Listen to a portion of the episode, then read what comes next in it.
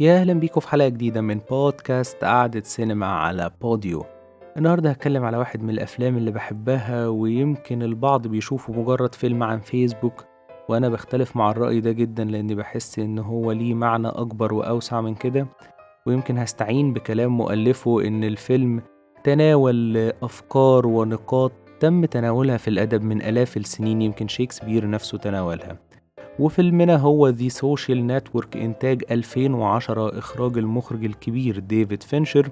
الفيلم من تأليف إيرون سوركين عن كتاب The Accidental Billionaires لبن ميزريك وبطولة جيسي أيزنبرغ أندرو جارفيلد جاستن تيمبرليك وآرمي هامر.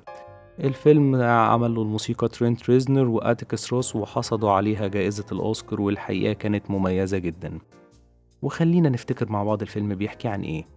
الفيلم بيحكي قصة إنشاء مارك زوكربيرج الطالب في جامعة هارفارد منصة فيسبوك وإزاي إن القصة بدأت من مجرد خناقة مع بنت قررت ما تكملش معاه في علاقة.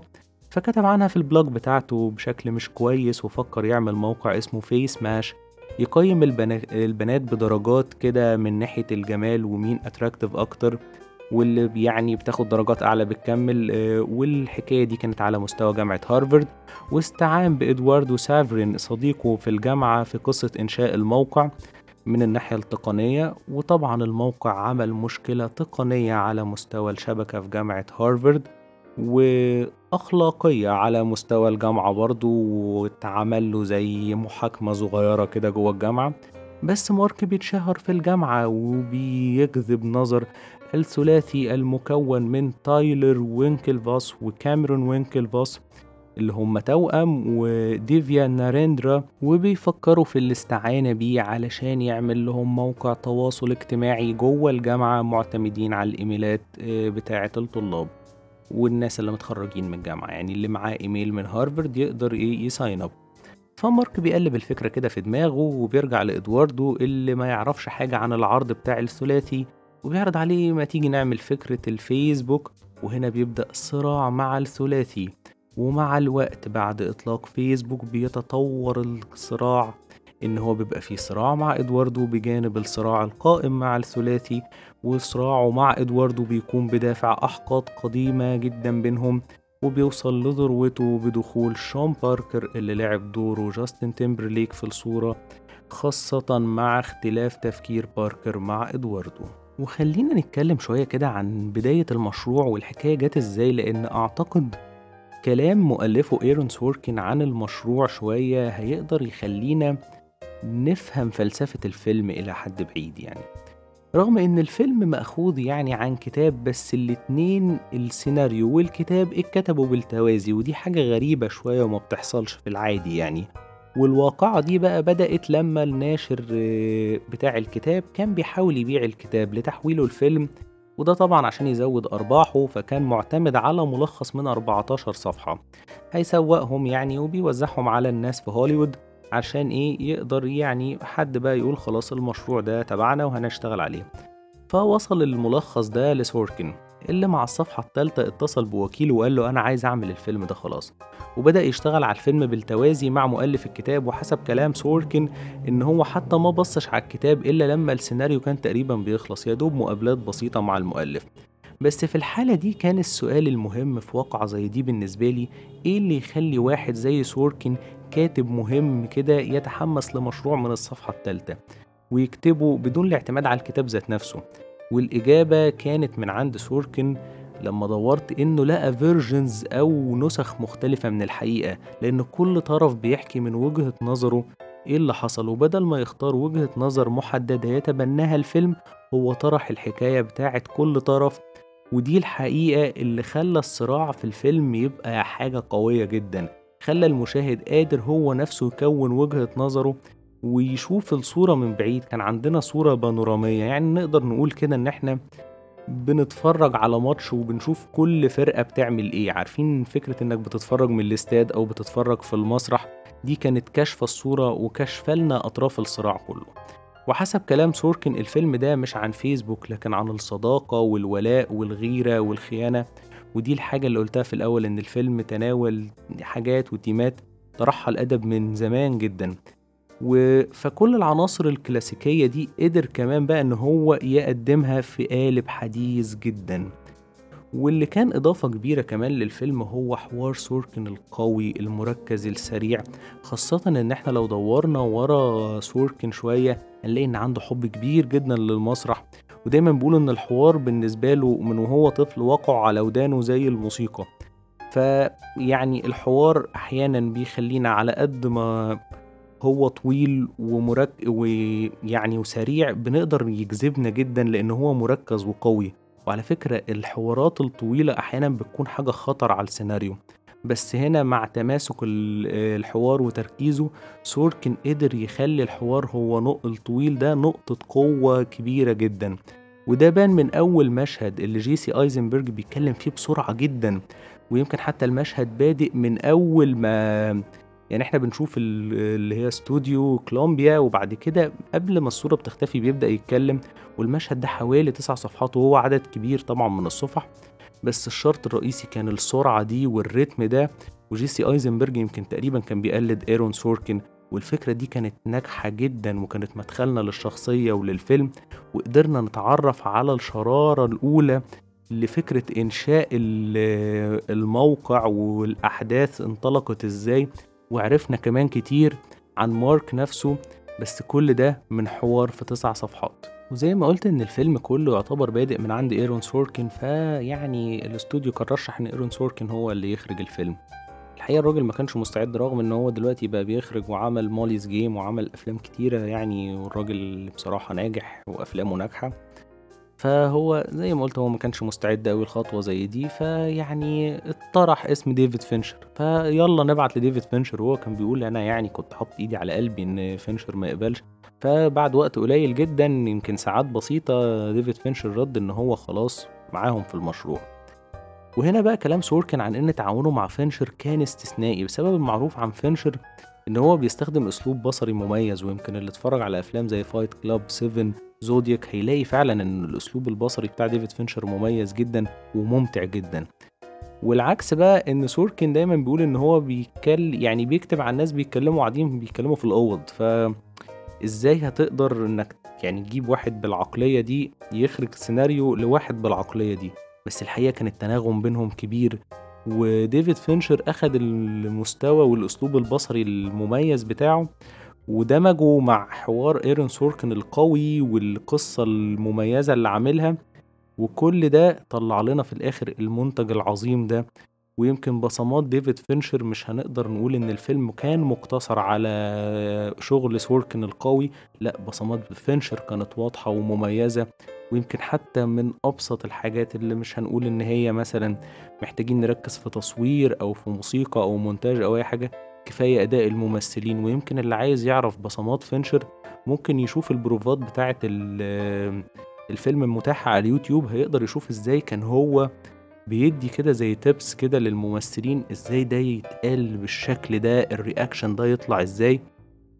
فكان الموضوع حقيقي عظيم جدا. الفيلم كان زي ما قلت بقى تجربة مختلفة جدا لفينشر لأن هو يمكن تلاقوه مميز في أفلام ال suspense. يمكن تحديدا أنا بحب شغله جدا في الحاجات اللي بقى فيها thriller أو suspense شوية. فهو بقى كان عايز يجدد خالص قال إنه مش هيتعامل مع نجوم في الفيلم ويمكن هو طبعا أفلامه بيبقى فيها نجوم يعني أبرزهم براد بيت. فكان شايف إن هو يعتمد على شباب سنهم من 20 ل 25 سنة. وعلى الجانب الآخر أنا حبيت برضو أعرف إيه اللي شد فينشر للفيلم. نقدر نقول إن اللي شد فينشر للفيلم حسب كلامه هو الشكل الحديث لل business وإزاي تأثير التكنولوجيا كمان ودي حاجة تمثلت جدا بالنسبة له في حالة فيسبوك هنا بيقارن إزاي لو حد كان عايز يصنع يصنع حاجة مثلا أو يعمل شغل مثلا هو كان بيتكلم عن نموذج هنري فورد. فقال مثلا كان واحد هيعمل حاجة بيبقى قدامه تحديات بقى إن هو هيبني مصنع ويعين عمالة ويدربها ويوزع منتجاته وغيره من مراحل الصناعة. بس هنا التحديات مختلفة. هنا واحد قاعد في أوضته مع أصحابه في الدورمز أو السكن الجامعي بيتكلموا كده فطقت في دماغه فكرة وبعدها بخمس ست أسابيع الموضوع بقى خلاص هو موجود على كمبيوترات 600 بني آدم. وبعد ست سنين بقى خلاص هو موجود في حياة 500 مليون بني آدم بقى خلاص بقى بالموبايلات سواء بقى أو بالكمبيوترات حسب يعني كل واحد بيستخدم فيسبوك إزاي. ففكرة الbusiness model الجديد دي كانت جاذبة جدًا لفينشر لإنها بتوضّح إزاي العصر اتطوّر، وفينشر الحقيقة عرف يعبّر عن أفكاره دي ويدمجها مع شغل سوركن زي ما قُلت، باستخدام أدوات عجبتني جدًا للتصوير، المونتاج، الموسيقى، كان شغلهم كلّهم مميز جدًا، والناس اللي اشتغلت عليهم كانت ممتازة جدًا. وخلّيني أبدأ بالتصوير اللي حسب كلام جيف كروننويث وهو واحد من الناس اللي بيتعاملوا مع فينشر، وعلى فكرة معظم الناس اللي بيص اللي بتوع التصوير والمونتاج والموسيقى دائمين التعاون مع فينشر، فعشان كده تحس إن الأسلوب مميز جدًا.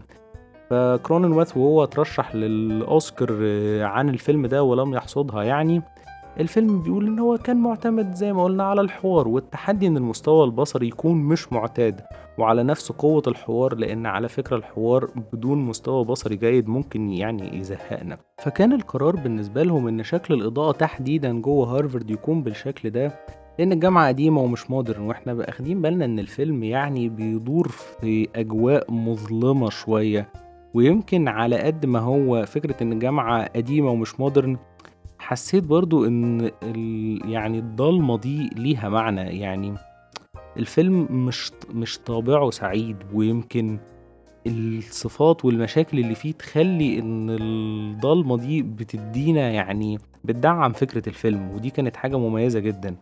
فزي ما قُلت إن ال الthemes دي اتدعّمت بالإضاءة دي، وكمان هو كانوا عايزين يخلّوا إن الموضوع واقعي جدًا لإن زي ما قُلنا على قصة الجامعة، واللي زوّد التحدي أكتر وأكتر إن جامعة هارفارد رفضت التعاون والتصوير جوّه ال الجامعة عندهم، ففريق التصوير عمل مجهود كبير جدًا في إن هو طبعًا الحاجات الداخلية دي الproduction design كان تعاون فيها مع التصوير إن هم يطلّعوا لنا الصورة الجيدة دي جدًا، بس كان كمان في تحدي إن هم يصوّروا الجامعة من برّه بشكل بانورامي، وعشان اللي هو الحاجات اللي إحنا بنشوفه وهو داخل جوّه الجامعة ودي ما كانتش بسيطة خالص، ولو حد اتفرّج الحاجات دي إزاي اتصوّرت الموضوع كان صعب جدًا، وكان في tricks كده ذكية جدًا من فريق التصوير كلّه.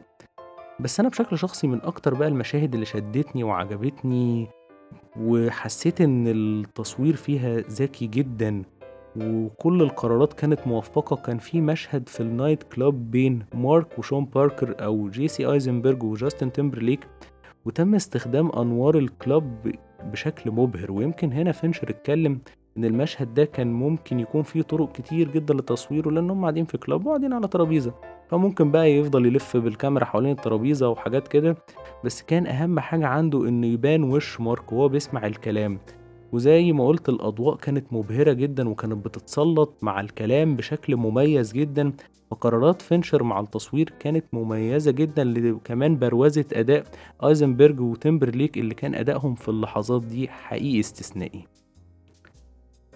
مع التصوير بقى نقدر نتكلّم كمان إن المونتاج كان له دور كبير جدًا ومهم، لإن خاصةً إن الفيلم لمّا كتبه سوركن كنا بنتفرّج شوية وبعدين نكتشف إن إحنا حصل لنا flash forward ودخلنا في حاجة في في المستقبل، فبنكتشف إن إحنا كل ده يعني خلاص إحنا في flashback وبنفهم إن إحنا كل ده الفيلم عن الصراع بين إدواردو وكمان الثلاثي اللي كل واحد فيهم رافع قضية كل طرف رافع قضية على مارك، وإحنا كل ده كنا في flashback يعني. فالمونتاج كان مميز جدًا إن هو يقدر يخلّي الأمور سلسة جدًا، وكمان كان في لحظات بقى كانت بتبقى ممتازة، زي مثلًا لمّا اتقابلوا مع شون باركر أول مرّة وفي النُص بنرجع المحاكمة نعرف آراء إدواردو فيها ونطلع تاني، كانت الحقيقة معمولة على أفضل ما يمكن. وكمان مناقشات الثلاثي التوأم وصديقهم، كانت القطعات والأسلوب فيه سريع ومميز وحسّسنا كده إن إحنا قاعدين معاهم في وسط الخلاف. ويمكن اللي زوّد اللي حد عايز بقى يقيس كمان إن المونتاج كان متميز إزاي، الsequence برضه بتاع face mash اللي هو كان فيه cuts كتير وأشخاص وlocations مختلفة، كل ده حصل وإحنا بنعرف بشكل سهل وبسيط إن مارك عمل موقع في الجامعة وعامل ضجة إزاي وبنشوف ردود الأفعال، كل ده بمنتهى البساطة وكل ده من دون لخبطة، يعني في حد تاني كان ممكن يسوّحنا الحقيقة، بس بصراحة كان المونتاج مميز. ونيجي بقى كمان لواحدة من النقط اللي استخدمها فينشر بشكل هايل هي الموسيقى. الموسيقى زي ما بيقول الصُنّاع بتاعتها إن كانت تحدي برضه، لأن الفيلم كلامي وما فيهوش مثلا landscape scenes مثلا مناظر طبيعية أو رعب فالفكرة إن المشاهد ما يزهقش من الكلام والموسيقى تساعد وتد... وتدعم ده وتجذب انتباهه كانت صعبة جدا وهنا كان بالنسبة لي في يعني حاجتين حصلوا في الموسيقى أنا حبيتهم جدا بشكل شخصي. أول حاجة هي ال track المشهور اللي فيه البيانو. track عظيم جدا ومعمول بشكل ذكي جدا وفي وفي فن وإحساس كده من ناحية الموسيقى. لأن بنلاقي البيانو بيعبر عن الوحدة اللي فيها مارك وهنلاقي فيه أصوات كده معمولة بشكل electronic ورا بتعبر عن الجو اللي فيه صراع وغضب ومشاكل. ويمكن هم قالوا إن هم استعانوا شوية بالخلفية الموسيقية دي اللي هي بتس... يعني فيها زي إثارة الغضب والأفكار والتضارب والمشاكل اللي جوه حياة مارك بف... بنوعية المزيكا اللي كانت في فيلم The Shining اللي, تع... اللي اتكلمنا عنه في الحلقة رقم 8 وتقدروا ترجعوا تسمعوها. فال track ده بالنسبة لي كان عظيم جدا و... ويعني بصراحة الشكل اللي هو بيوضح مشكلة مارك وفي نفس الوقت القالب ال electronic أنا كان عاجبني لأن هو كمان استخدام مزيكا electronic بتوضح اللي إحنا فيه إحنا في حاجة عن فيسبوك و technology وكده. فأعتقد ما كانش يبقى ال orchestration مثلا هو أفضل اختيار لأ هما الشكل ال electronic ده كان بيدعم الأجواء والعصر اللي فيه الفيلم. وهنا كمان هنلاقي بقى كمان الحاجات اللي فيها الشكل الإلكترونيك دي ظهرت لما كان مثلا بيشتغلوا على الموقع. فده فكرني شوية الطريقة اللي استخدموا فيها الموسيقى. كانت شبه شوية الحاجات اللي اتعمل في الألعاب أول ما يعني مثلا في نص الألفينات أو أول الألفينات شوية حسيت إنها شبه الفيديو جيمز شوية. فادتنا إحساس كده بالتكنولوجيا وادتنا إحساس بالمغامرة وبكل مراحل اللعبة تكسب بتخسر. فالجو بتاع اللعبة ده كان مميز جدا بالنسبة لي. فالحقيقة كانت الموسيقى نقطة موفقة جدا. وأدوات التصوير والمونتاج والموسيقى ورؤية فينشر كل دول عرفوا يبروزوا شغل إيرون سوركن ويخلونا نقدر يعني نتشد جدا للصراع اللي كان أطرافه برضو مميزين جدا. يعني لو بصينا على شخصيات ناريندرا وال Winklevosses هنلاقي إن هما مثلا في آراء إن هما بيمثلوا الشكل التقليدي لل business والشكل التقليدي لل elite. فده زي مثلا وهنا بيواجهوا واحد زي مارك. فده مثلا ده كان شكل مميز للصراع وهم كانوا دايما بيقولوا إن إحنا الجنتلمان بتوع هارفارد ما ينفعش نعمل كده. كان تقريبا كاميرون هو تايلر كان هو شخصية ثائرة شوية عن الموقف وناريندرا وكان كاميرون أخوه التوأم بيقول لا يعني إحنا برضو ما ينفعش تطلع الحكاية دي مننا. وهنا على الجانب الآخر بنلاقي شخصية إدواردو الصديق اللي مارك كان غيران منه بسبب أمور ال clubs والحياة الاجتماعية جوه الجامعة. فقرر كمان يبعده بسبب أسلوبه النمطي في التفكير خاصة بعد ظهور شون باركر.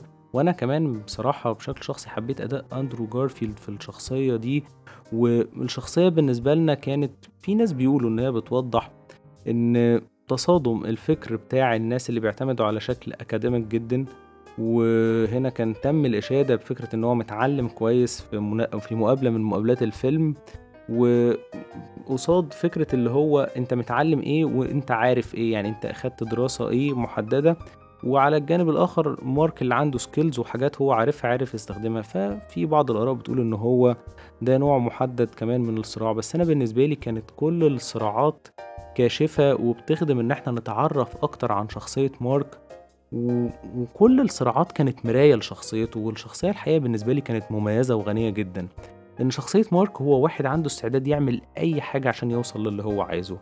بتبدأ الفكرة عندنا إن هو بيص... بيسرق صور البنات عشان يعمل الموقع اللي هو بتاع فيس ماش وبعد كده سرق فكرة الأخين.